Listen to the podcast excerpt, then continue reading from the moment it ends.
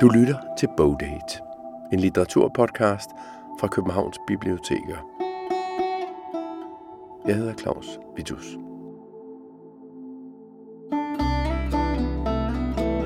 I starten af september 2023 var der Golden Days, gyldne dage.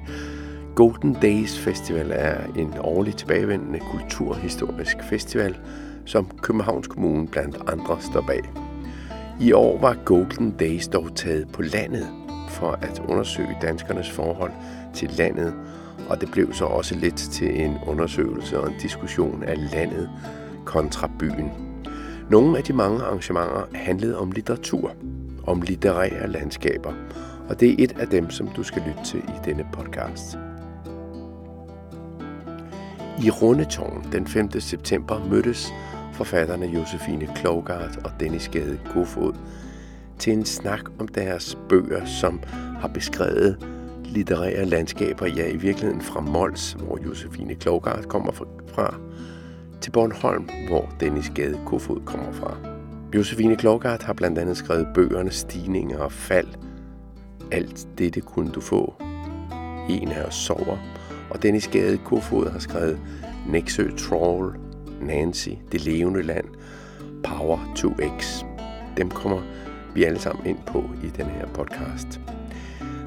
Og udover bøgerne, så havde for eksempel Dennis Gade Kofod også meget at sige om menneskets forhold til naturen.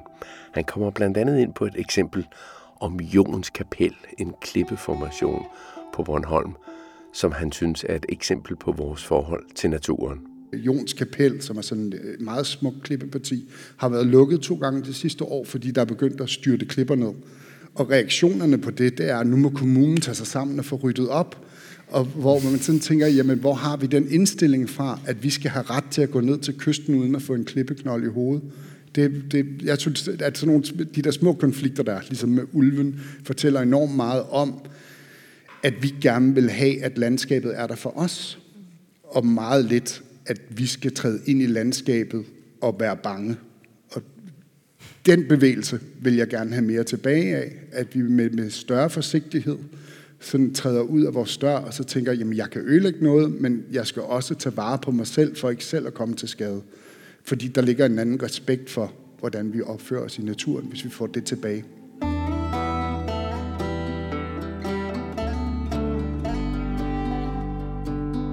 Tilrettelægger på Videnskabsfestivalen Blume, Steffen Greiberg Knudsen, var moderator, som det hedder, ham som interviewer, og han havde bøgerne liggende klar foran sig den dag i Rundetårn. Og han startede med at spørge Josefine Klogart om, hvordan ser landskabet ud på Mols, hvor du kommer fra?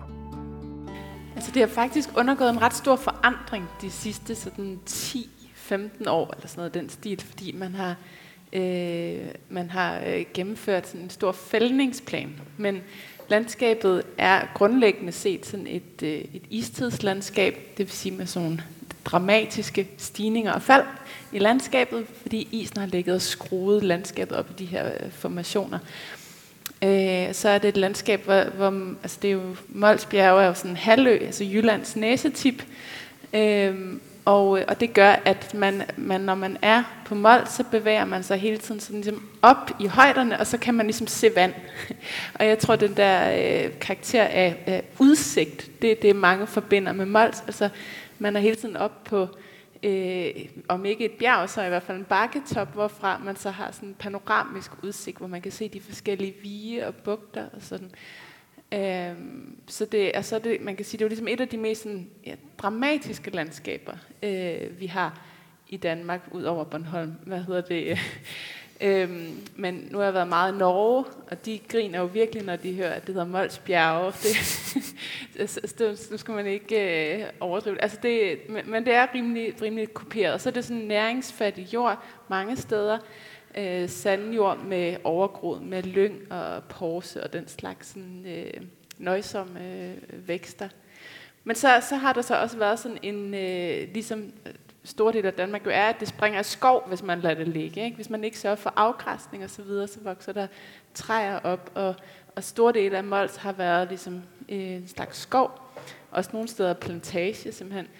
Øhm, sådan som jeg husker Mols Bjerg fra min barndom, er det netop med det her, den her sådan, når man bevæger sig gennem landskabet, så bevæger man sig hele tiden igennem en skov, og så kom man op på de her høje og bakker og bjerge, og så var der den der panoramiske udsigt. Så der var sådan en dramaturgi i bevægelsen gennem landskabet, øh, som man så har for at føre landskabet tilbage til en mere oprindelig form, så man fjernede en masse skov, øh, og det så helt vanvittigt ud, den periode, man gjorde det, for der lå ligesom til gravet de rødderne op, og så lå det lige sådan en elefantkirkegård, eller sådan noget. Hele Molsbjerg var sådan en elefantkirkegård, hvor der lå de der trærødder, og så sådan helt, helt weird ud, ikke hentet op noget fra øh, mørket dernede. Øhm, og den bog, som du har liggende der, øh, En af os sover, den handler egentlig meget om det at, at vende tilbage til et landskab, der er fuldstændig forandret. Mm. Øh, det gør hovedpersonen i den bog, hun vender tilbage til Mols øh, under nogle andre livsomstændigheder, end, end hvilke hun forlod det under, og så er landskabet fuldstændig forandret. Og det stiller jo også, eller rejser spørgsmål om det her med, når vi taler om ligesom at føre et landskab tilbage til noget mere oprindeligt. Altså, hvor langt tilbage skal vi? altså, der er sådan nogle meget sjove sådan, øh, absolutter, øh, der altså handler om, ligesom, at landskabet skal tilbage til ligesom, en ligesom, original. Og det viser sig, så, når man ser på det, at vi har nogle, nogle meget arbitrære idéer om, ligesom, hvornår var det så, hvornår var landskabet rigtigt? Fordi et landskab ja. er jo overhovedet ikke stabilt, ligesom alt andet, så er det ligesom under forandring. Øh, ja. Så i hvert fald et, øh, et landskab med øh, fantastiske øh, udsigter, med stigninger og fald, som også er titlen på din første bog, ja. og øh, et landskab i forandring. Ja. Ja. Dennis, hvordan ser, øh, hvordan ser Bornholm ud?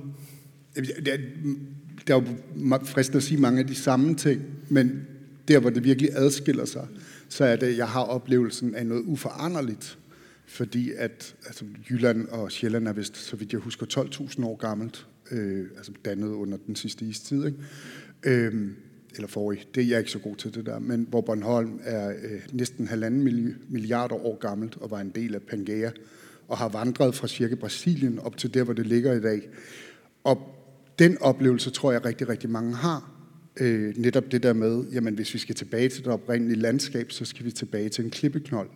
Øh, men så får man det problem, at hele øh, sydkysten er jo øh, sedimenter for det, der engang var. Altså, så skal man til at lime Balkastrand tilbage på hammerknuden, for, for at kunne gendanne det der. Altså det, og for mig så ligger det som sådan en fartstribe, fordi at det er slidt af, mens der vandrer sig. Ikke? Altså, så ligesom hvis man, hvis man kaster noget hurtigt ud i vandet, så kommer der sådan en hækbølge, og sådan er stranden også set med geologisk tid. Og så det der med netop, at folk sådan, jamen, almindingen er ægte natur, men Bornholm var næsten helt nøgen, øh, hvad hedder det, i slutningen af 1700-tallet. Alt var fældet. Og så var det, at øh, fordi kongen var så glad for at gå på jagt, at øh, i slutningen af 1700-tallet, starten af 1800-tallet, så begyndte de første planer om at genetablere almeningen at komme. Og nu kigger man på almeningen. Den, den er jo med menneskelige øjne meget gammel at se på. Der er virkelig gamle træer efterhånden, og det har det der, som, som skov kan, når, når, øh, når jordbunden ikke er så tyk. Altså det kan, det kan vokse ind i landskabet. Altså man har sådan en fornemmelse af, når man går ved Ekodalen og de gamle vikingeborg og sådan noget, at træerne sidder, øh, står og klamrer sig til landskabet. Og, og det, det er jo vildt interessant, det der med at gå de der ture, og jeg er ansat som højskoleguide i sommeren, hvor, hvor jeg går de der netop med mennesker, som tænker, nu skal vi ud og se oprindelig dansk natur, og så går det op for dem, at det jo bare er en rodet plantage. Altså det, man kan finde de kort stadigvæk, skovfoden rømer, brugte, jamen, så skal vi have den slags træer der, og ved ekodagen kommer det over tid til at se godt ud, hvis vi gør sådan her, for så vil nogle af træerne falde ud over, som det skete, og ligge rådne, og sådan. Det er meget smukt, men også meget unaturligt, hvis man kender historien.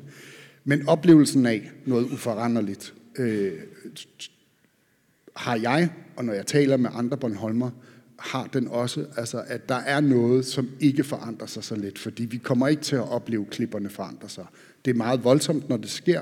Øh, Jons Kapel, som er sådan et meget smukt klippeparti, har været lukket to gange det sidste år, fordi der er begyndt at styrte klipper ned. Altså, og det er jo en forandring, ikke? Og reaktionerne på det, det er, at nu må kommunen tage sig sammen og få ryddet op, og hvor man sådan tænker, jamen hvor har vi den indstilling fra, at vi skal have ret til at gå ned til kysten uden at få en klippeknold i hovedet? Det, det, jeg synes, at sådan nogle, de der små konflikter der, ligesom med ulven, fortæller enormt meget om, at vi gerne vil have, at landskabet er der for os, og meget lidt, at vi skal træde ind i landskabet og være bange. Den bevægelse vil jeg gerne have mere tilbage af, at vi med, med større forsigtighed sådan træder ud af vores dør, og så tænker, jamen jeg kan ødelægge noget, men jeg skal også tage vare på mig selv, for ikke selv at komme til skade. Fordi der ligger en anden respekt for, hvordan vi opfører os i naturen, hvis vi får det tilbage. Mm. Man kan godt mærke, at, øh, at det er to landskaber, I, I kender rigtig godt, og ikke kun ser ligesom, øh, hvad skal man sige, den overflade, det snapshot, som en, en, øh, en hver turist, som, øh, som mig måske vil, øh, vil se med det blotte øje, men at der ligesom også er en, I har en forståelse for, hvad der er hvad skal man sige, menneskeskabt og plantet, og hvad der er dyrket og sprunget i skov, og hvordan, hvordan det ligesom har foldet sig ud over tid. Øhm, så der er ligesom en geologisk tid og en biologisk tid for, øh, for hvordan en skov den ligesom øh, folder sig ud. Og så er der på den anden side så selvfølgelig også menneskets tid. Øhm, og der, der tænker jeg, at øh, hvad hedder det, øh, vi måske springer over i den, den øh, hvad skal man sige, betydning af landskab, som handler om landskabet som en hjemstavn. Fordi det er jo også øh, de steder, hvor I kommer fra. Øh, ja, hvad vil det sige at komme, komme fra et sted, og, øh, og hvordan, øh, hvordan folder man så det ud? Øh, så sådan, hvad betyder det for jer at komme netop fra Mols og Bornholm, og hvilken rolle har det så fået i jeres litteratur? Josefine, hvis vi starter med dig. Hvordan, ja. hvordan, hvordan fandt øh, Mols landskabet ind i din litteratur? Hvorfor øh, altså, det var slet ikke sådan en bevidst beslutning egentlig. Det er bare, at når man, når man øh, skriver, så, så, der, så opdager man hurtigt, at man skal have ligesom, altså de her karakterer, man er optaget af, sådan, de skal ligesom bevæge sig rundt i nogle virkelige rum. øh, de der virkelige rum, de skabes jo inde i litteraturen. Men hvis det skal fremstå virkelig, så er det bare usigeligt meget øh, nemmere at gribe til nogle fysiske, konkrete rum, som man så kan hente ind i litteraturen via skriften, øh, og så følge den der transformation af stederne, der så sker i sproget. Øh, men det er som om, at det at være øh, på en eller anden måde forpligtet på et fysisk, øh, virkelig erfaret landskab, Øh, det er som om, at det sætter sig i sproget som sådan en vandmærke, så man kan ligesom mærke, når man læser de sætninger, der beskriver det landskab, så har de ligesom øh, en anden en kvalitet, end, end dem, man har ligesom fundet på. Og jeg har prøvet at skrive øh, romaner, der foregik i Spanien og alle steder, hvor jeg knap nok havde været, eller kun havde været turist. Og, øh, og, og jeg, jeg synes i hvert fald, altså det, det har du måske en holdning til også, men altså jeg synes i hvert fald, at, at det er meget, meget svært at fake en form for sådan kendskab, og sådan, nærmest en helt sådan kropslig fornemmelse af, hvordan opfører de her rum sig. Øhm, og så tror jeg også, at, det, at hvis man ikke ligesom øh, er beskæftiget øh, med at, ligesom, øh, at opfinde rummene, hvor i øh, mennesker skal bevæge sig rundt, øh, så frigives der bare også en energi, i forhold til så at kunne beskæftige sig med, med sætningerne og øh, psykologien og karaktererne og hvad man nu ellers arbejder med. Så på den måde, så var det bare, altså så det skete bare, at jeg ligesom brugte de der øh, kendte, for mig kendte øh, rum. Så er der jo netop sådan noget med, at, at det lægger man mere mærke til, hvis folk ikke kommer fra øh, København. Øh, altså, så, så bliver det meget nemt sådan en, øh, altså så er det lidt eksotisk, fordi at mainstream ja. inden for øh, kulturbranchen, den er øh, København. Ikke? Øh, så, så, så på den måde, så har det ligesom sådan fået en plads, men, men det har ikke været, det er ikke fordi, at det er en del af et eller andet sådan program for mig. Mm. Det, det er sådan set bare sket. Øh, og samtidig så vil jeg også sige, at jeg heller ikke sådan, jeg har heller aldrig følt mig sådan forpligtet på, at nu skal jeg ligesom være øh, en stemme fra Mols, eller nu skal jeg give øh, Jylland en stemme, eller sådan noget. Altså, sådan har det, sådan har det faktisk slet ikke været.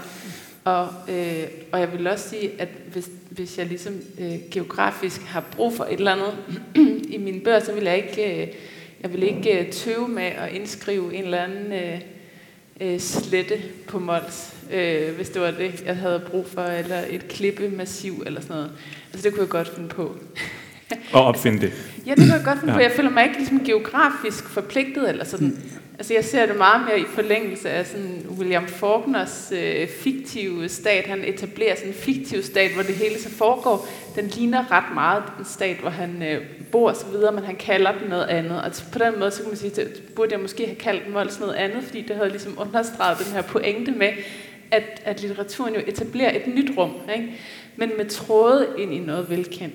Men sådan tror jeg næsten altid, det er. Altså, jeg, jeg, øh, jeg, Men tror, vil du, vil du ikke synes, det blev ufarligt? Fordi jeg har også overvejet det der. Og i Power to X, der havde jeg kaldt alle stednavnene ved deres gamle latinske betegnelse for søkort. Fordi så kunne jeg slippe for den der en-til-en sammenligning. Men så begyndte jeg at kede mig, og da jeg viste første udkast til min redaktør, så spurgte han mig sådan, sådan ja, nej, nej, det havde han luret jo, han har jo læst alt, hvad jeg har skrevet, ikke? så øh, han kunne godt se, at det var Rønne, og med, ja. med de samtaler, vi har haft, så kunne han også godt se, at der var lånt rigtig meget for de problematikker, der er i, i den kommunes, øh, altså den position. Og, så, og, og for mig så blev det ufarligt, og den oplevelse havde min redaktør også. Øhm, så jeg tror, der sker rigtig meget interessant ved, ved det der øh, clash mellem, mm. at vi kidnapper noget, som vi jo deler med rigtig mange. Og jeg er jo flyttet tilbage øh, og bor i Rønne. Og jeg tror, der findes rigtig mange Bornholmer, der gerne vil være mit forfatterskab for uden. Fordi at jeg, jamen, jeg tror, de oplever rigtig meget, at jeg annekterer, og så fordi, at jeg har været så heldig at få opmærksomhed på mine bøger, så kommer jeg til at fylde enormt meget i, hvordan Bornholm bliver beskrevet på samme måde, som reklamerne gør det. Altså dem, som vi alle sammen er sure på, Solskinsøen og fordi at de underkender alle de problemer, der er. Ikke? Altså Bornholm er PT Danmarks tredje fattigste kommune, og så kommer jeg med sådan noget naturbræk. Øh, altså når, når, når der er alle mulige andre problemer, ikke? Øh, selvom jeg også prøver at skrive de andre ting ind. Ikke? Altså, så jeg tror, at de oplever, at jeg annekterer det, øh, og den farlighed kan jeg godt lide. Øh, jeg har aldrig følt mig forpligtet til at være Bornholmer-forfatter, men, men som der står i starten af Nancy, så siger hendes danslærer meget naivt, hvis I vil skrive godt, skal I skrive om det, I elsker. Og så svarer Nancy ind i sig selv, jamen jeg er begyndt at have. Og jeg tror, at det spændingsfelt, det kan man ikke købe sig til. Det er noget, man får over tid, og jeg tror også, det var lidt det, du sagde på en anden måde. På samme måde, som man tilegner sig altså sprog over tid. Altså man bliver nødt til at være et sted rigtig længe for at få et stort ordforråd omkring det sted. Og, og, og det der med, at, at man kan researche rigtig meget, men, men von Hørensagen har bare en anden kvalitet. Ikke at det, det er bedre, men det er en anden kvalitet, end det man kan researche sig til. Altså at rigtig mange mennesker oplever den samme ting forskelligt, og fællesnævnerne for, hvad man tror udgør et landskab. Altså sådan jeg har Bornholmerne med almeningen, kunne man komme med en påstand om, men hvis man er der tilpas længe, så vil man opdage, at det er en anden fællesnævner, som er det, der kendetegner almeningen for de fleste, der bor på Bornholm. Og, og det, det, det tror jeg er meget svært. Øh, altså, det vil kræve, at jeg flyttede et andet sted hen i længere tid. Jeg har ligesom dig, har jeg prøvet at skrive en enkelt novelle, som foregår i New York til dels, øh, og til dels i Jylland, hvor min mor er fra. Og øh, det, jeg oplevede i hvert fald, det tog meget lang tid at skrive den, i forhold til, hvor hurtigt jeg ellers kan skrive sådan nogenlunde god prosa. Men jeg oplevede også, at jeg blev nødt til at i talesætte i blandt karaktererne, at de ikke var hjemme fordi at jeg synes, det lød falsk. Hvis jeg prøvede at gøre den ene karakter til, så, så ville de jo aldrig tale sådan om det sted, hvor de har været det meste af deres liv. Og, og det tror jeg ikke... Så hvis jeg skulle skrive om Spanien, så ville jeg netop blive nødt til sådan ligesom at øremærke det. Hey, her er en fremmedsblik ja. på, på det her. Altså, ja. øh, og, og lade det handle om det. Ja. At fake tilstedeværelse er meget, meget, meget svært. Mm. Men jeg tænker også i forhold til det der, jeg sagde med det der med at frigive noget energi, en mere præcis måde at sige det på, det er måske også, øh, at det handler også om, hvad er det for, øh, hvad er det for sådan en bevidsthedstilstand, man er i, når man skriver. Og nu har jeg også selv lige siddet i sådan en proces, hvor jeg har haft en meget stor sådan research-materiale, ikke? Og jeg har bare oplevet, at det er sindssygt svært at skrive på baggrund af researchet øh, viden. Altså, det, altså, det er en meget vild øh, transformation, man skal øh, under, altså undergå, ligesom der, altså, eller bevidstheden, den skal ligesom sådan træde igennem det der researchet stof, fordi det har lavet sig som, som form for intellektuel viden. Og kunst og øh, poesi og litter, skønlitteratur, det skal gerne skrives fra et andet sted, altså med en anden bevidsthed, som er sådan åben, øh, kredsende, øh, sådan, mm uafsluttet og ikke mod et mål osv. Hvis du ligesom har en intellektuel viden, så har du ligesom allerede et mål. Du har et mål, at du godt vil bruge af den viden. Det vil sige, du har ligesom allerede sagt til din, til din bevidsthed, det er fint nok, øh, du må godt øh, øh, øh, ligesom opføre dig fuldstændig vanvittigt og vildt og sådan noget, men bare lige inden for det her. du skal lige huske det her. og, og det, er bare, det er bare en ret effektiv måde at kortslutte ja, den, den kreative, for æstetiske ja. tænkning, der er på færre i kunsten. Øh, hvis du ligesom øh, trækker, trækker den ind i sådan et intellektuelt rum. Ikke? Mm. Øh, så også fordi jeg, også, jeg tror, man kommer til at tvinge sig selv, altså man, i forhold til den proces med at få sprog for ærende, som er naturligt tilhørende, kunne man måske sige, i det landskab, man er i, har oplevet, når jeg har øh, researchet, så har jeg kasseret alle, jeg læste rigtig meget om slagteindustrien i Danmark og sådan noget i forhold til Power to X, og det kom slet ikke med, fordi at det netop blev, at fortælleren pludselig trådte frem og holdt foredrag for læseren ja. på en meget, meget, meget øh, sådan litterær, kedelig måde. Ja. Og det er ikke det, jeg og der tror jeg, vi deler Nej, interesse ja, i forhold til, ja. øh, sådan, hvordan skal værkerne sprogligt tage sig ud. Ja. Og der kan jeg opleve, at jeg skriver meget bedre, set med mine egne øjne, hvis jeg skriver om det, der allerede er. Jeg tror, du brugte ordet fordøjet. Mm. Og jeg har sådan ligesom erfaret over tid ved at have skrevet nogle romaner, at jeg ikke skal researche. Jeg skal derimod kigge på, hvad har jeg egentlig lavet det sidste års tid af lyst. Og så, jamen, så må romanen jo ligge der, fordi at der er jo et eller andet, der for det første tænder mig, så jeg gider gøre det her, uden at, altså at bruge op til to år på at skrive en roman, uden at der nogensinde kommer en særlig stor bonus i den anden ende. Så det skal virkelig være noget, der underholder mig selv, mens jeg sidder og skriver det. Men også, at det bare bliver meget bedre. Øh, og så lader jeg ligesom lysten styre værket, øh, øh, altså i forhold til processen, at hvis der dukker noget spændende op. Der var nogen, der fortalte mig lige pludselig, at slagteriet øh, faktisk ligger på en gammel, øh, hvad hedder det, oldtidshøj. Og så, så, sådan, jamen, så læser jeg om det, men det skal jeg ikke bruge til toren. Den, det, det, det, det er slet ikke tid nok. Altså, der skal ske noget andet, øh, før at det ligesom bliver til, til noget, der naturligt har fundet en stemme, og som, som jeg kan give videre til en karakter, som så kan fortælle det. Øh, og igen, det er en proces, der tager tid, og jeg tror, det er derfor, det er naturligt, hvis man interesserer sig for. Og jeg tror, i forhold til det, du indledte med, ja. det der med, at, at øh, hvordan vi forandrer landskabet med, med kultur, og sådan, det var en del af oplægget. Jeg er meget interesseret i, hvordan landskabet forandrer kulturen.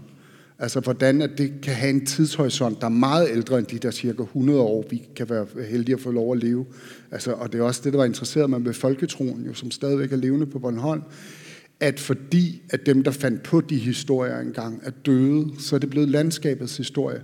Den, der egentlig fortæller det videre igen og igen og igen, det er ikke historiefortællerne, det er stenen. Altså hvis man tager Helligkvinde, som er en, øh, en stensamling, et stenskib, der ligger, øh, hvad hedder det, lige uden for Listed på Bornholm, hvor det, man siger, at det var en klog kone, som var truet af en troldmand inden for øen, og så forvandlede hun sig selv og sine børn til sten, indtil det var sikkert at komme ud igen. Og det er sket for mange hundrede år siden, og det vil sige, hvem end der fandt på den historie, hvis den altså ikke er sand, det er, det, de er væk. Hvem har så bevaret den? Jamen det har stenen. Og, og det der med, ligesom jeg sagde, at jeg gerne vil have, at landskabet bliver farligt igen for os at færdes i, fordi det kommer til at afføde en respekt. Hvis vi lærer at lytte til de landskaber, og hvad end vi bliver enige om natur er, det er jo en diskussion, der foregår. Hvis vi bliver enige om at lytte til det, frem for hele tiden at insistere på vores magt til at forandre, så tror jeg også, at vi får et andet forhold til, hvordan vi er til stede her, som kan være meget sundere. Og det er noget, jeg først er blevet bevidst om de sidste par år, at det har jeg faktisk gjort hele tiden i min kreative proces. Den kommer så ikke til at frelse verden, men jeg synes, det er interessant, at, at det findes, altså den modsatrettede bevægelse, hvor, hvor man i stedet for hele tiden at være sådan udfarende som art og sige, at vi bliver nødt til at gøre sådan her, så kan man sætte sig ned og så lade det andet vokse og komme til sig. Og så stødte jeg på Axel Honing for nogle år siden, øh, og jeg har altid interesseret mig meget for magi, og så var der mange ting, der faldt på plads. Fordi det viser sig, at det er jo ikke nyt. Det viser sig, at det hele tiden har været en modkultur fra, fra øh, den kristne kirke mm. bliver dannet, øh, og cirka år 300 og frem, har der hele tiden været tænkere, som har været imod det der i vores del af verden meget kristne natursyn, hvor vi har lov til at herske over planeten. Og det bliver så til den alkymistiske retning, som, så, men de bliver hele tiden kættergjorte, fordi de truer jo den kirkelige magt, men der har altid været en interesse for den anden bevægelse hvor man har sagt, jamen det kan ikke passe, vi hersker over naturen, for så ender vi med at slå os selv ihjel. Og nu synes jeg, det er spændende i den tid, vi har fået lov at leve i, det er, om det her, det er denne gang, at der kommer et nybrud i forhold til natursynet. Fordi at det er ret nedslående at læse Axel Honings øh, Naturens Lys, som er et fantastisk værk. som gennemgår øh, nat, altså forskellige natursyn fra antikken og op til renaissancen at det bare er blevet slået ned hver gang. Og jeg tænker sådan, altså så siger tro, hvem er det, vores minister er, der lige har sagt, at han vil være havets minister, men så går han ud og forsvarer, og så bliver jeg sådan, Jesus, vi taber igen. Altså jeg bliver sådan helt mismodig. Og så kommer romanerne bare til at ligge tilbage som sådan en reminiscens, en Axel Honing kan samle op om 800 år, og så sige, de prøvede os dengang. Øhm. Ja. Ja, Axel Honings bog handler også meget om kristendommens fortrængning af naturen, ja. og øh, ja, i virkeligheden en, at den kultur, vi der bygger, også glemmer, øh, glemmer landskabet.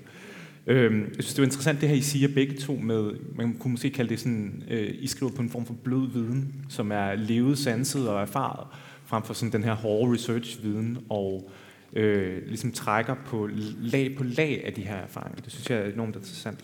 Samtidig synes jeg også, der er sådan, måske en form for parallel i, øh, i forhold til øh, noget, der er vigtigt for, for for jeres måder at skrive på, hvor, øh, hvor jeg vil sige, sådan, du nævnte det selv, øh, Dennis, magien, og, øh, og du har på en eller anden måde også barndommen, øh, som en eller anden form for øh, adgang til det uvirkelige. Jeg tror, øh, der er citat i, øh, i, i din nye bog, øh, Alt det kunne du få, øh, som børn forstår de alt, er endnu ikke komperet af nogen realisme, men har adgang til det uvirkelige i det virkelige, og det virkelige i det uvirkelige på den måde, så sådan, synes jeg, der er et interessant fællesskab, som, som I ligesom skriver jer ind i der. Altså at finde noget andet i landskabet også. Øhm, og øhm, ja, ja, så jeg har lyst til at spørge, spørge dig, Josefine, også det her med, med, med barndommen. Hvad, hvad er det for, nogle, øh, for, en, for en særlig måde at sanse og erfare på, der ligger i det? Ja, altså, jeg, jeg, jeg tænker jo, at det er sådan Ja, det er jo meget sigende citat, der du tager frem, ikke? At, at, man, at, at verden ligesom er større på en måde, fordi man ikke har fået den begrænset af en idé om, hvad, hvad der er virkeligt, og hvad der er reelt osv. Øhm, og så, men så er det vel også noget med, at det ligesom er før begreberne, altså før at verden er, har fået et sprog på den måde, den er ligesom samlet i begreber for bevidstheden. Øh, og det der med at være et sprogligt væsen og samler ting under begreb og kategorisere verden og sådan noget, det har selvfølgelig sådan nogle oplagte fordele, det bliver nemmere at navigere i sådan en verden, der er kortlagt. Men det gør jo også, at, øh, at, at, at ens blik på verden bliver begrænset, tænker jeg, fordi øh, hvad hedder han nu, øh, Rasmus Ejernes, han, øh, som jeg holdt en samtale med på Bloom for øh, et par år siden. En virkelig, virkelig skøn, øh, skøn biolog, som også er engageret ja. i, i Mols. Ja, præcis. Men han havde bare sådan en ret god beskrivelse i en af sine tekster, at øh, det her med, at, at børnehavebørn er ligesom sindssygt meget bedre til at finde svampe end voksne, fordi voksne på en eller anden måde leder efter den der paddehat, ikke? og så måske en kantarel, fordi det er ligesom det er de der kategorier. Men børn, de har ikke de der øh, øh kategorier. Det er jo sådan en parallel til det der med ikke at have organiseret alt under begreber. Altså at en ekstrem åbenhed i, i forhold til at, øh, at, at, at se former. Altså, så på den måde, så kan man sige, at vores, vores adgang til verden bliver ligesom dårligere og dårligere og dårligere, øh, jo mere vi ud, udvikler sådan en, en intellektuel begrebslig øh, bevidsthed. Ikke? Øh, så det tror jeg, der er. Så tror jeg også, at der er et eller andet med, at, at, at børn også sådan helt sådan fysisk konkret har adgang til flere steder. Altså det der, kan I ikke huske som barn, at man ligesom kunne løbe mellem husene, og sådan fuldstændig, altså fordi man ligesom går under en eller anden radar, hvis altså det, et øjeblik, det øjeblik, en voksen person kommer ind i et hjem, så vil de voksne personer, der befinder sig i det hjem, de vil begynde at rydde op. Og, og der er et eller andet med, at man som, som barn ligesom kan sådan passere sådan uhindret igennem alle mulige verdener, der ikke forandrer sig så meget øh, ved ens øh, tilstedeværelse i de der rum. Hmm. Så på den måde, så tror jeg også, at der er sådan helt konkret adgang til øh, mange flere verdener i barndommen. Øh, ja. Ja. Det Men øh, apropos barndommen, så det kan, det kan være, at vi lige skal have en, øh, en, en øh, oplæsningsbid fra alt det, du kunne få ja. øh, fra starten. Det er en bog, øh, som, øh, hvad hedder det, hvor stigninger, stigninger faldt i den første bog, også skriver ligesom på, på barndoms øh, sansebilleder, øh, så bliver alt det, du kunne få, det er ligesom mere sådan kronologisk, og vi, øh, vi følger Barbaras, øh, hvad skal man sige, liv, øh, ja. I virkeligheden fra hendes forældres ungdom, ja. og så frem til, ja, frem til nu, nutid. Ja, den starter ligesom med, at faren undergår den her hjerteoperation og vågner op efter narkosen, Og så kigger han ind i Barbaras øjne, og så oplever hun bare det sådan frie fald, fordi at han er ligesom ikke til stede, han kan ikke genkende. Og så lægger lægerne ham til at sove igen. Og det er ligesom de her syv dage, hvor han, hvor han går ind og ud af det bevidsthed, og hvor han ligesom er et andet sted end i den her verden. Det er ligesom den oplevelse af fald, som er sådan, hvad skal man sige, romanens anledning, øh, og Barbaras anledning til at prøve at forstå sin families historie på en anden måde. Øh, men øh, yes, her er en, en scene fra, fra begyndelsen af bogen her, hvor Barbara hun har en søster, Sara, og de er, øh, de er ved Vesterhavet, hvor de er 14 dage hvert år, øh, og de er på vej ned til vandet her.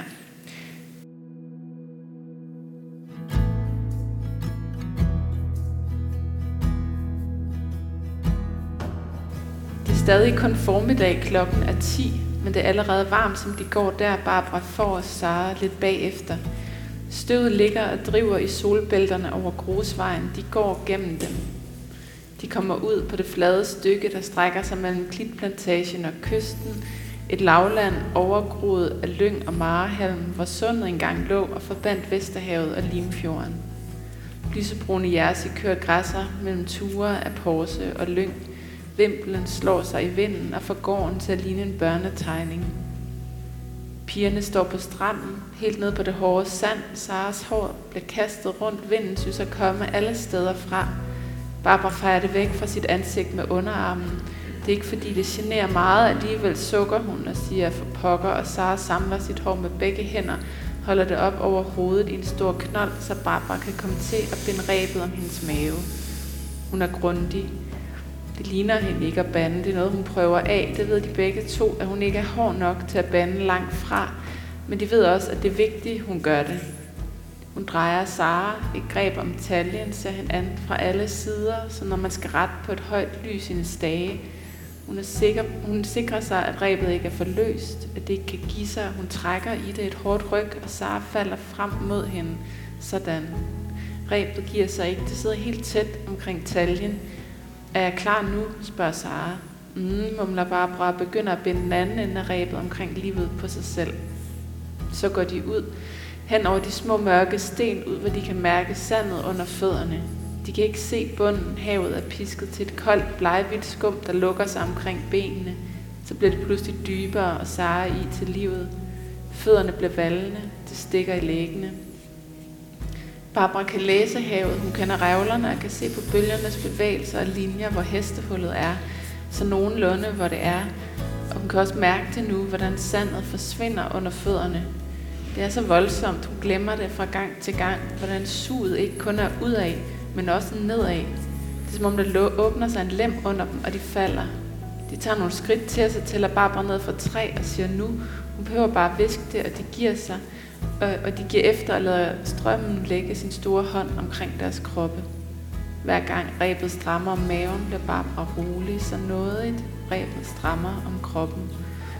Der er øjeblikke, hvor hun ikke vil kunne sige, hvad der er op og hvad der er ned, hvad der er overflade og hvad der er havbund, og det er vidunderligt, når det hele er en stor brusende virvel, og hun er fanget inde i havets indre, hvor det bulrer afsted med kræfterne af hundrede heste. Udad går det udad mod bølgerne. Hun forestiller sig strømmen som nogen, der vil have hende og tager, hvad der tilkommer ham. Så strammer rebet igen, og hun ligger spyttet ud et sted på den anden side af anden revle, og det er som om havet igen bliver blødt og uden anden vilje end bare den at være blågrønt og uroligt. Så ligger Barbara der og stiger og synker som en bøje i bølgerne, et sted lige uden for den yderste revle. Hun træder vande, famler efter rebet om sin mave, hun får fat og trækker til, men det er for let, alt for let. Hun skifter arm, halder rebet til sig, tag for tag, mens hun ser ned, kommer til at sluge vand. Det er alt for let. Og da rebet ikke er længere, er Sara der stadig ikke. Bølgerne er bjerge, der stiger og synker. Rebenden er stiv, det blå nylon er brændt for ikke at travle. Barbara undersøger rebenden med fingrene, de enkelte fibre og smeltede ender, som om Sara kunne findes derinde mellem nylontrådene. Hør bølgerne, hør kornet.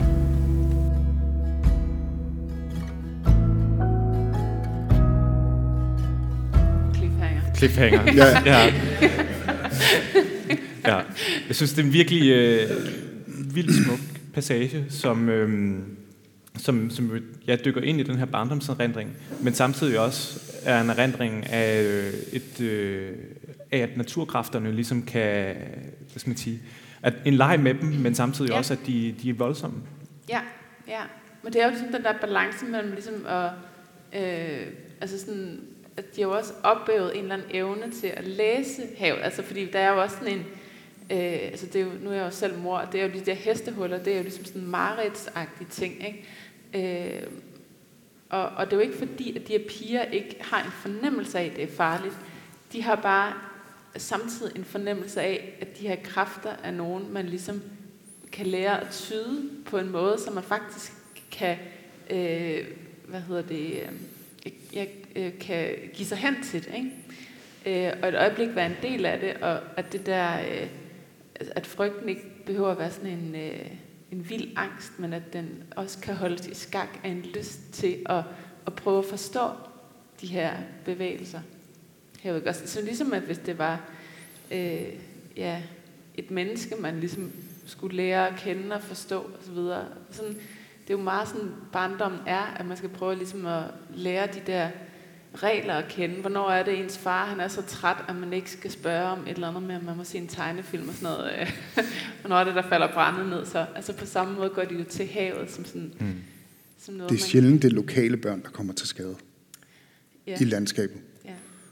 Det er altid skolebørn, der falder ned fra Ekodalen, eller oh, ja. kommer til skade på Hammershus, eller endnu værre, kommer i havsnød. Ja. Det, det er meget, meget, meget sjældent, at det er lokale. Ja. ja.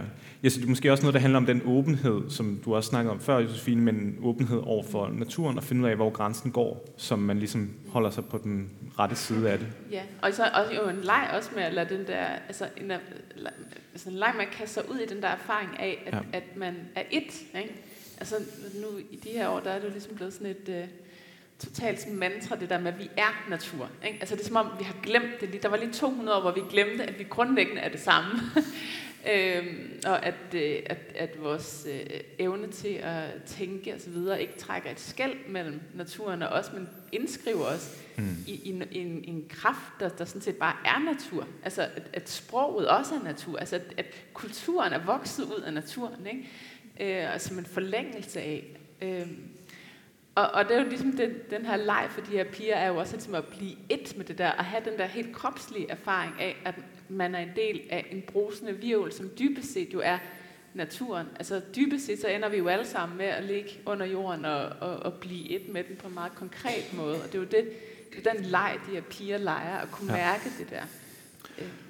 Men jeg synes også, der er nogle øh, paralleller til nogle ting over hos dig, øh, Dennis, som, øh, som også ligger i, øh, i det her med, jeg synes, din bog, øh, Det levende landskab, siger det ret fint i, alene i titlen, ikke? At, at man også kan, kan ligesom, øh, opfatte landskabet som noget levende, og, øh, og du skriver også rigtig fint sådan i, i starten af den bog, som jo handler om, også om, øh, de, om den Bornholmske folketro, og om de, øh, de savn, om de underjordiske, som du ligesom skriver, skriver ind i nutiden på en eller anden måde, men du skriver også det her med, at en erfaring af, af landskabet som en forlængelse af kroppen, øh, nærmest som om vi var babyer, der ikke kan adskille sig selv fra, fra vores omgivelser. Øh, og der kommer også øh, hen mod slutningen sådan en, en lille passage om øh, en, der har sådan en nær drukne oplevelse, og en følelse af at blive sådan trukket i af, af små hænder. Øh, og øh, ligesom også sætter det i... Det er mosen, ikke? Ja, lige jo. præcis, ikke? Og øh, siger også det her med, at jamen, måske, øh, måske er det også noget, man kan føle på en mere ufarlig måde generelt. Altså den her følelse af, at, øh, at, at landskabet bliver, bliver levende. Øhm, hvad, hvad vil det sige med, øh, med det levende landskab for dig? Det, jeg tager udgangspunkt i det, du sagde om børn sammen med biologen. Ja. Øhm, fordi den magiske tankegang arbejder netop med, at magi er ikke det, vi alle sammen tror, det er i dag. Altså popkulturelt er magi jo øh, latterliggjort og barnliggjort, men på en forkert måde. Altså noget, der... Det handler om at udvide sin begrebsverden ikke at leve med en anden begrebsverden. Og det handler om at gå til den begrebsverden på samme måde, som forskning gør i naturvidenskaben. At ting har en mere værdi, og det kun er os, der begrænser det. Altså hvis man kigger på igen øh, den hellige kvinde, Jamen, det er en sten, og man kan analysere stenarten, man kan blive klog på, om det er en vandreblok, eller om den faktisk har været på Bornholm hele tiden. Der er en masse ting, man kan gøre, men man kan også acceptere, at der er en masse værdi i den sten, som kommer et andet sted fra end det naturvidenskabelige. Og det, jeg synes er vildt interessant, det er, at når man begynder på det, så smelter det rigtig tit sammen med det naturvidenskabelige. Altså når de laver register, øh, hvad hedder det, over hvor kæmpestenene kommer fra og sådan noget, så hænger det utroligt tit rigtig godt sammen med de historier, der så har knyttet sig til dem over tid. At de sten på Bornholm, som er kastet af kæmper eller hekse fra Norge og Sverige, jamen de er sjovt nok også sten, der er kommet med istiden, hvor mange af de andre sten, der har en meget mere lokal forandring. Altså, det her det er en vejvisersten. Den skal du give brød, når du går forbi, ellers far du vild. Det er sjovt nok ikke vandreblokke. Altså, de kommer fra det grundfjeld, der er på Bornholm. At der hele tiden er en sammensmeltning. Og det der med, at børn kan være bedre til nogle ting, det er det, jeg prøver at, at optræne og, og har læst rigtig meget om, at man prøver at udvide sin begrebsverden, så man netop får et helt andet forhold, og det handler om magtbalancen at jo mere jeg ved om de ting, der opgiver mig, jo mindre bliver jeg værd. Og det er helt enormt befriende. Altså, at, at man pludselig begynder, ligesom de træner til havet, så kan man træne sig selv i at være hjemme de steder på en anden måde, hvor jeg ikke er centrum, men det, jeg sætter mig ud i, får lov at tale til mig. Og det kan blive ret langhåret, men, men det skal netop ikke blive til den der så New Age-egoisme, hvor det drejer sig om, at så skal jeg finde indre ro. Man skal, man skal ligesom, at man kan melde sig ind i en fodboldklub for at blive en del af et socialt fællesskab. Så kan man melde sig ind i landskabet og blive, blive til at, øh, være med til at danne en mereværdi på samme måde, som et sporthold kan danne en mereværdi, hvor man selv er blevet mindre værd, men holdet er mere værd, så kan man gøre den samme bevægelse, når man træder ud i det. Og den erfaring, øh, jeg ved ikke, hvor, hvor, altså, hvornår den er dæmret for mig, mm. men den har tydeligvis fyldt meget i lang tid, og, og også ubevidst. Altså allerede i, jeg har et havstykke i min debutroman, hvor, hvor øh, hovedpersonen er tilbage på Bornholm med sin kæreste, der er københavner, og hun synes simpelthen, det der vand er så farligt. Og han står i Balkabugten, som er et af de, de fladeste strande i Danmark overhovedet. Altså net, vi kan bade her i stormvær. Men det der med, at hvis man ikke ved det, hvis man ikke har set det, hvis man ikke har lært, hvordan bølgerne ser ud, før de er farlige, jamen så er det et umuligt landskab at være i, og man føler sig afstødt og, og ikke hjemme. Men hvis man, hvis man har lært, som du siger, at, at afkode det, eller forstå, hvad det er, det siger, jamen så kan man være hjemme på en helt anden måde. Øh, og nu tror jeg, at jeg ramte en tangent og glemte dit spørgsmål. Men øh, så, så samler vi den op og går videre, fordi øh, man kan sige, Det levende land er jo sådan øh, en bog, hvor du går ind og overtager og melder dig ind som en stemme i den her øh, folkesavnstradition, hvor man fortæller om, om de underjordiske og de mærkelige magiske ting, som de gør.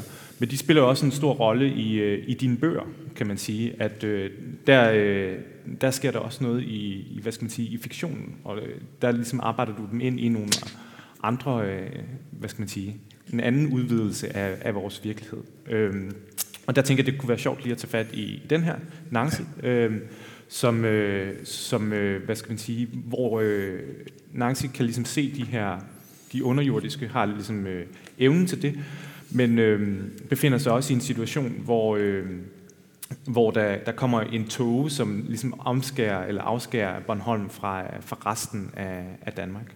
Øh, jeg tænkte, det kunne være sjovt at høre en passage om, om den her tog.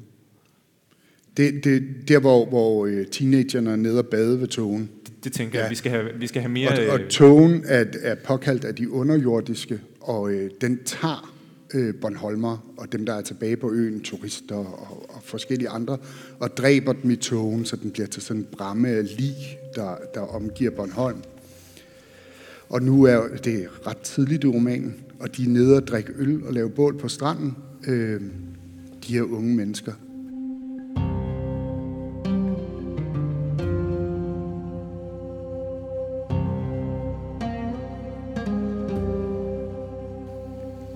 Senere stikker en fra flokken i et hyl. Bag dem er brede badebroen væk, gemt i tågen, der kommer krybende op fra havet. Hylet spreder sig imellem dem. Alle rejser sig og drikker ud, Albert også. Togen står som en væg midt på stranden. Lyset fra bålet reflekteres ikke, men opsluges af tågen. En flakken over sandet og ind i det våde, grå springlag. Så løber den første, og lige efter ham den næste. En tredje med pikken fremme. Christian er Alberts bedste ven. Alle leger med togen. De løber langs den tættere og tættere på, som vildskaben breder sig, men ingen af dem tør røre ved den. Nancy og Albert løber hånd i hånd. Så slipper hun ham og ser ham springe kodet af sted, inden togen hurtigt omslutter hende.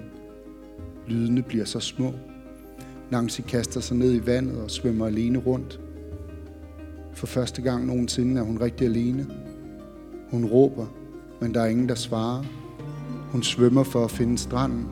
Hun kan ikke længere bunde. Livet af en kvinde driver tæt forbi hende. Håret strejfer Nancys arm og filter sig ind i fingrene. Nancy er alene i togen, indtil en lille hånd tager fat i hende. Den er stærk nok til at løfte hende. Togen har øjne. Det ser på Nancy. Togen har en stemme, når så det er dig. Du er her, siger den. Så kan Nancy bunde igen. Hun kan høre de andre. Hun kaster sig i armen på Albert og fortæller ham, hvad der skete i togen. Han holder om hende. Nu er de sammen. Albert og Nancy tager hjem til Albert. Han nærmest bærer hende igennem den tomme by. Nogen har smadret vinduerne i butikken, hvor optikeren lå. En mannequin er forsøgt brændt og er smeltet ud over brostenene. Det tomme hus. Alberts forældre vil ikke sælge. De håber på at vende tilbage. Nancy fortæller Albert alt. Han betvivler hende ikke. Hun græder, og han putter hende.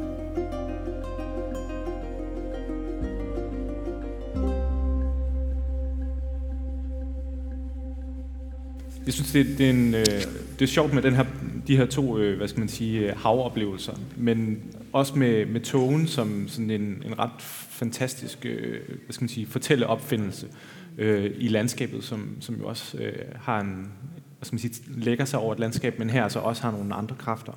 Øh, det hedder også et sted, at øen kun er til låns. Hvorfor er det, den her tog, tog kommer? Er det sådan en slags øh, hævn, fordi menneskerne har misligeholdt øen? Eller? Ja, det er det. Ja. Og det, det siger, øh, øh, altså Ellestingeren hedder kongen af de underjordiske på Bornholm, og ham møder Nancy senere. Og det, det siger han. Og øh, der er andre savn på Bornholm, øh, at de underjordiske har tømt øen, blandt andet under pesten, hvor øh, det bliver vist også, ja, det bliver genfortalt i bogen, at øh, at tidligere så har de underjordiske orkestreret pesten, så den slog alle Bornholmer ihjel, med undtagelse af en ung kvinde og en ung mand. Hun skulle gemme sig i Randkløveskåret, og han skulle gemme sig et sted, der varierer meget fra savn til savn. Og når der så var helt stille, og man forestiller sig Bornholm helt, altså helt tømt, de sidste ligebål knitrer stadig, og alle er væk, så skulle de ringe med kirkeklokkerne, og så finde hinanden, og så derfra så skulle alle rigtige Bornholmer så stamme for dem. Ikke? Så det er sådan en slags undergang og øh, skabelsesberetning i en, øh, den fortælling, og så har jeg lånt den og gør det en gang mere. Nu er det så en tog, de har påkaldt, som skal udrydde alle Holmer, og de har så sagt Nancy af kvinden, men de kan ikke finde ud af, hvem der skal være manden endnu. Og så er der så to mænd, så det bliver til sådan et trekantsdrama, så det er ikke noget, jeg har fundet på. Og, og jeg er jo meget, det tror jeg også, jeg sagde før, optaget af det der med, når det folk, de kalder for skønlitteratur, eller historiefortælling, eller magi, overlapper og griber ind i vores virkelighed. Og blandt andet i forhold til, til arkeologi er der også store sammenhæng. Altså en, det, den største del af danefæ i Danmark bliver fundet på Bornholm. Og det er sjovt nok også der, hvor øh, folketroen ikke er død. Folk er jo meget, når, når jeg er ude og holde foredrag, der tit om nisser. Jeg er nisseeksperten. Øh, og det er vildt interessant, fordi folk ved ikke, at det var på Mols altså det er et dværgelandskab, hvis man går Evald Tang Christensen igennem, altså øh, ham, der var en stor folkemindesamler. Men det er helt forsvundet, og, og den hurtige forklaring er, at vi aldrig havde Hermann på Bornholm. Altså der er ingen slotte på Bornholm overhovedet. Der er Hammershus. Mm. Der var biskoppen, og så betalte man skat til ham. Og det var frie bønder på Bornholm da, da industrialiseringen så kommer, så flytter man ikke fra Bornholm på samme måde, fordi vi har ikke de der landsbysamfund, hvor man kan organisere landbrug, landbrug anderledes. Og det vil sige, at man bliver ved med at fortælle historierne endnu længere. Det gør så også, at højene, altså øh, fra, fra bronzealderen og sådan noget, slet ikke er røvet på samme måde, fordi de vedblev ved at være farlige på grund af fortællingerne om, at de underjordiske boede derinde. Og det kommer så til gode nu, hvor arkeologerne på en helt anden måde kan finde skatte og andre øh, fund derfra, som er væk. An, alle andre, hvor, hvor landskabet er afmystificeret, der er det røvet, for det var ufarligt lige pludselig. Altså de magiske væsener var væk. Så, så jeg bliver altid øh, provokeret, når folk siger, at det er ufarligt, og, og at det er barnagtigt eller sådan noget, for vi, vi, vi lever med de her fortællinger.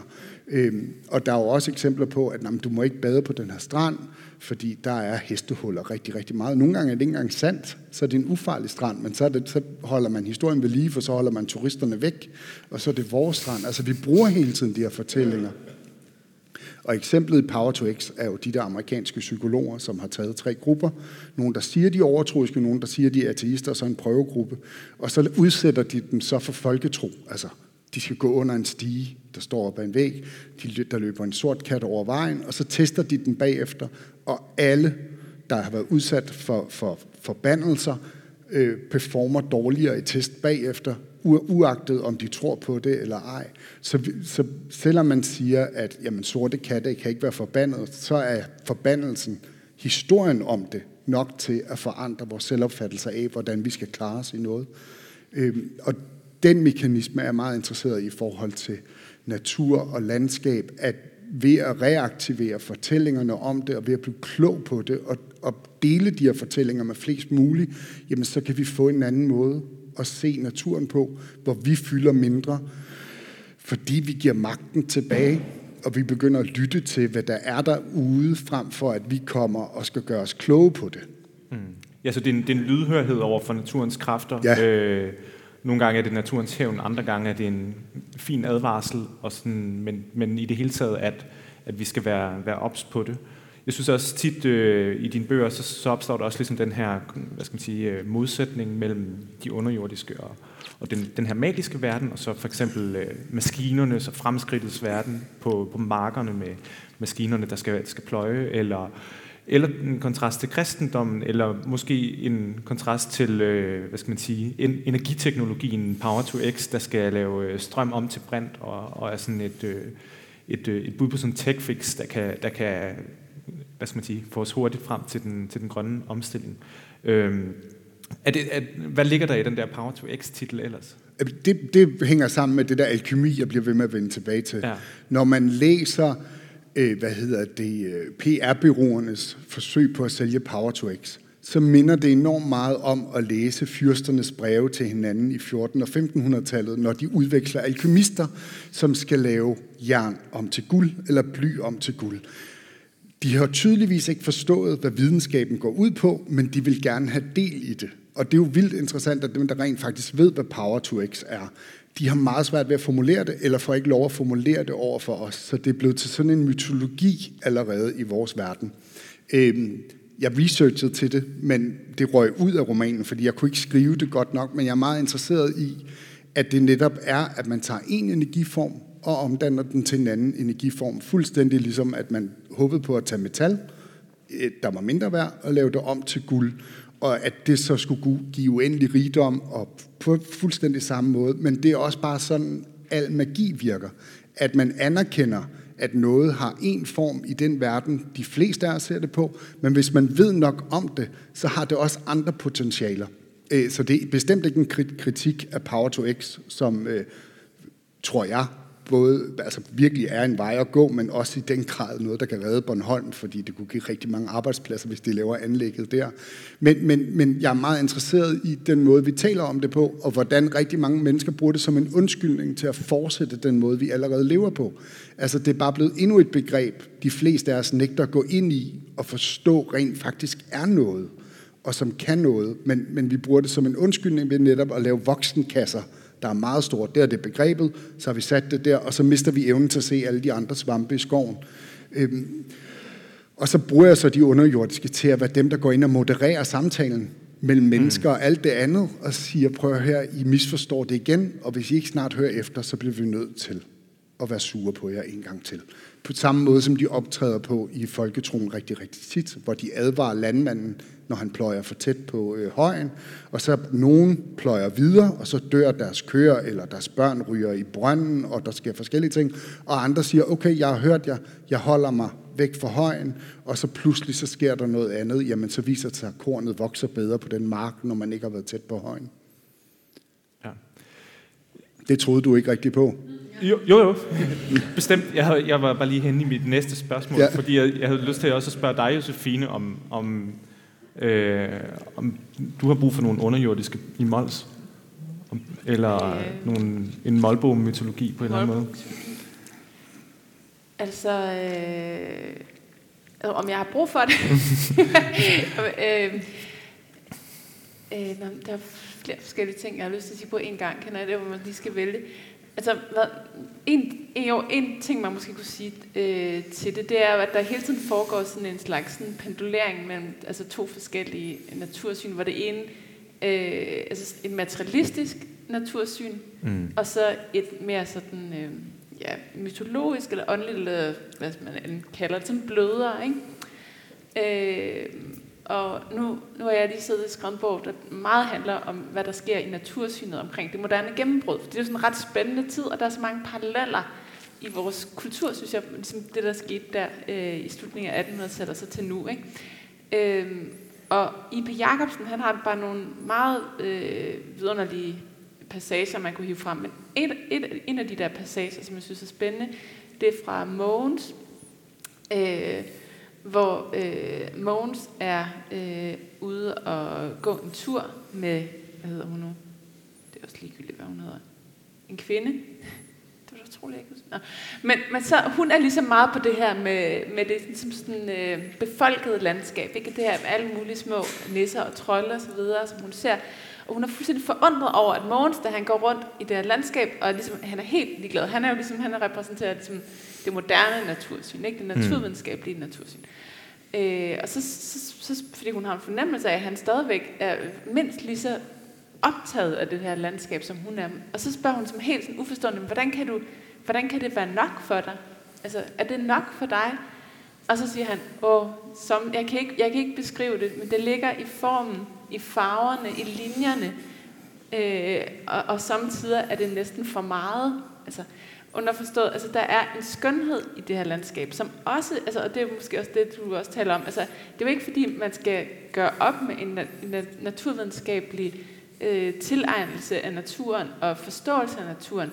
Det er et eller andet med at finde den poesi, der ligger i det, og undgå, at det bliver til materialisme. Altså det, at det ligesom øh, det at, at skabe en forståelse for et landskab, som, som også er naturvidenskabeligt, som også er ligesom ved, konkret undersøge, øh, hvordan fungerer de her processer i naturen, hvad er det for nogle arter, hvordan er der sameksistens, ja. hvordan er de her meget komplekse øh, relationer mellem forskellige arter osv., og så samtidig kunne udtale det der, åh, samtidig er det næsten for meget, som Mogens kan, ikke? Hvad hedder det? Fordi han kan se den poesi, der også ligger i i den viden om naturen, som det naturvidenskabelige repræsenterer. Ikke? Så der, i den scene, der er det bare de der to forskellige natursyn, der ligesom øh, udspiller sig mod hinanden. Ikke? Øh, og I.P. Jacobsen er bare en sindssygt spændende forfatter at tage fat i, fordi at han netop, han er jo øh, biolog, og han er ham, der oversætter Darwin til dansk osv., og det er samtidig en, en, et forfatterskab, der er fuldstændig altså, tæt pakket med sådan nogle altså fuldstændig vilde, lyriske beskrivelser af natur. Og hvordan hænger det egentlig sammen? Jamen det hænger jo fuldstændig oplagt sammen i virkeligheden, fordi at det naturvidenskabelige hos en person som I.P. Jacobsen ikke kommer til at stå over for ligesom det poetiske, og han introducerer det her tredje, som ikke er det mytologiske, ikke er ligesom savnet og øh, overtroen, eller hvad man skal kalde det, men som i virkeligheden, som jeg ser det, er det æstetiske blik, som, som et, et blik, vi, som, som også er naturvidenskab, som er det æstetiske blik, kan ligesom inkorporere en viden om naturen, øh, øh, og er ikke ligesom afhængig af at skulle løfte det øh, til noget sådan mystisk. Mm. Den vil, vil ikke dunkelhed i P. Jacobsen, det er jo lys over land, det er det, vi vil. Hvad hedder det? Og det der lys er også det lys, kunsten kaster ind i naturen. Hvis man ligesom kan forene det naturvidenskabelige, som han på den ene side står for, med det æstetiske blik, som er det her kredsende, undersøgende blik, øh, og et mere ydmygt blik måske, hvad hedder det, så det, det er ligesom sindssygt spændende, og, og det er det, han ligesom peger på, og det er jo blandt andet derfor, han ligesom er sådan lidt i randen af, af, af det moderne gennembrud. Altså han, det, hans bøger er vildt diskuteret. Uh, Johannes V. Jensen siger, at at læse en I.P. Jacobsen bog, det er bare som at kigge igennem en fuldstændig fedtet rode. Altså man kan jo slet ikke få øje på andet end roden. Altså, Nej. Jamen, øh, og, og, og i den kritik af det ligger der ligesom en nøgle, tænker jeg, til at forstå, hvad, hvad, hvad er kunstens rolle i det her også? Altså sådan, ja. den der fedtede rode, hvad er det, den afslører om naturen? Fordi kan kunsten i virkeligheden være med til at etablere et blik på naturen, som er super, super øh, Øh, sensitivt, følsomt, øh, altså klogt, vist simpelthen.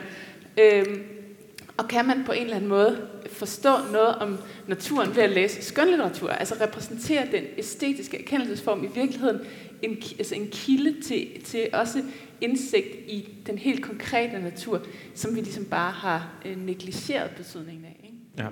Ja, og det, det, det, det er ligesom, at, øh, at vi kan se en større virkelighed, som vi også talte om, talte om tidligere. Ja. Øh, ja, tiden er, tiden er vel løb, løb fra os, men øh, du har en, måske en Ja, fordi øh, det, det, netop det der, og det kan I.P. Jacobsen, fordi når, når, man, når jeg læser sådan naturvidenskabelige tekster, ja. så, så oplever jeg motivationen for at sprogliggøre forskellige objekter at være udtømmende, ja. hvor det æstetiske og det fortællende, altså kunsten, i stedet for at sige, at hvis man bare tager et blad, så vil naturvidenskaben gerne helt ned til at forstå, hvordan grønkornene virker, hvordan de bliver dannet, hvad der adskiller sig, og det seneste sådan, skovvidenskab, hvordan de taler sammen. Ikke? Men, men naturvidenskaben har jo også forandret sig de sidste 50 år i forhold til den måde at betragte sig selv på. Altså der er blevet en kritisk mod den der herskermentalitet, der jo ligger ved hele tiden at have lyst til at være ind og navngive ting. Er der blevet sådan en, en, noget, der har været i arkeologien længe, hvor vi lader det ligge i jorden, for vi er ikke dygtige nok til at tage det op endnu. Der, når, når man snakker med sådan en biolog som Michael Stolze på Bornholm, der er en stor del af rewilding, ikke?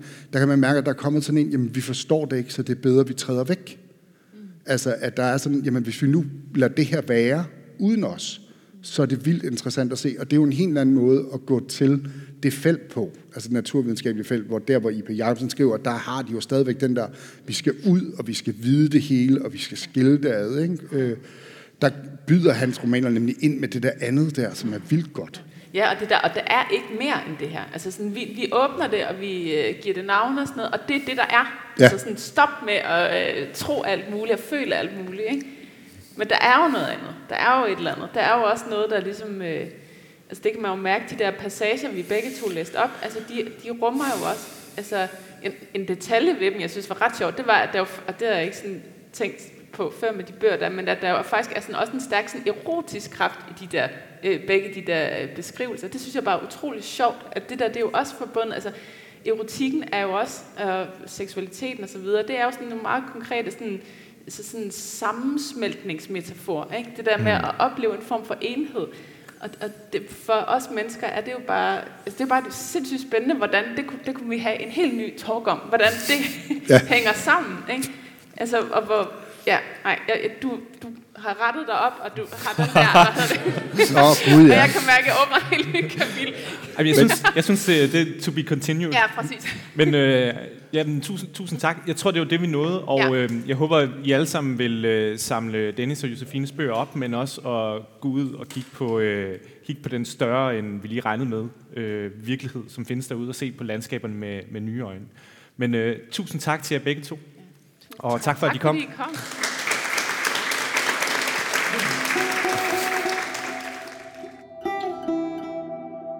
Du har lyttet til en podcast, som baserer sig på et arrangement, der blev holdt i Rundetårn i forbindelse med Golden Days Festivalen i september 2023. Med Josefine Klogart og med Dennis Gade Kofod. Og som sagt, du kan gå ud og finde deres bøger på biblioteket Stigning og Fald, Nexø Troll, Nancy og alle de andre bøger. Til rettelægger og interviewer på selve festivalen, i hvert fald den i Rundetårn, er Steffen Kreiberg Knudsen. Og jeg hedder Claus Vitus. Jeg har stået for podcasten. Musikken, du hørte i baggrunden, er fra Epidemic Sound. I baggrunden lige nu hører du Mountain Air for eksempel. Du kan finde flere podcast, også i forbindelse med Golden Days, her hvor du har fundet denne her. Du lytter nemlig til Bowdate, og der kommer endnu en udgave af Bowdate, der handler om Bowdate ud på landet. Golden Days temaet var nemlig ud på landet. På genhør i en anden podcast, eller måske på gensyn på Københavns Biblioteker. Jeg lægger også en litteraturliste til den her podcast, så du kan også finde alle de bøger, der blev omtalt i podcasten, og flere til endda.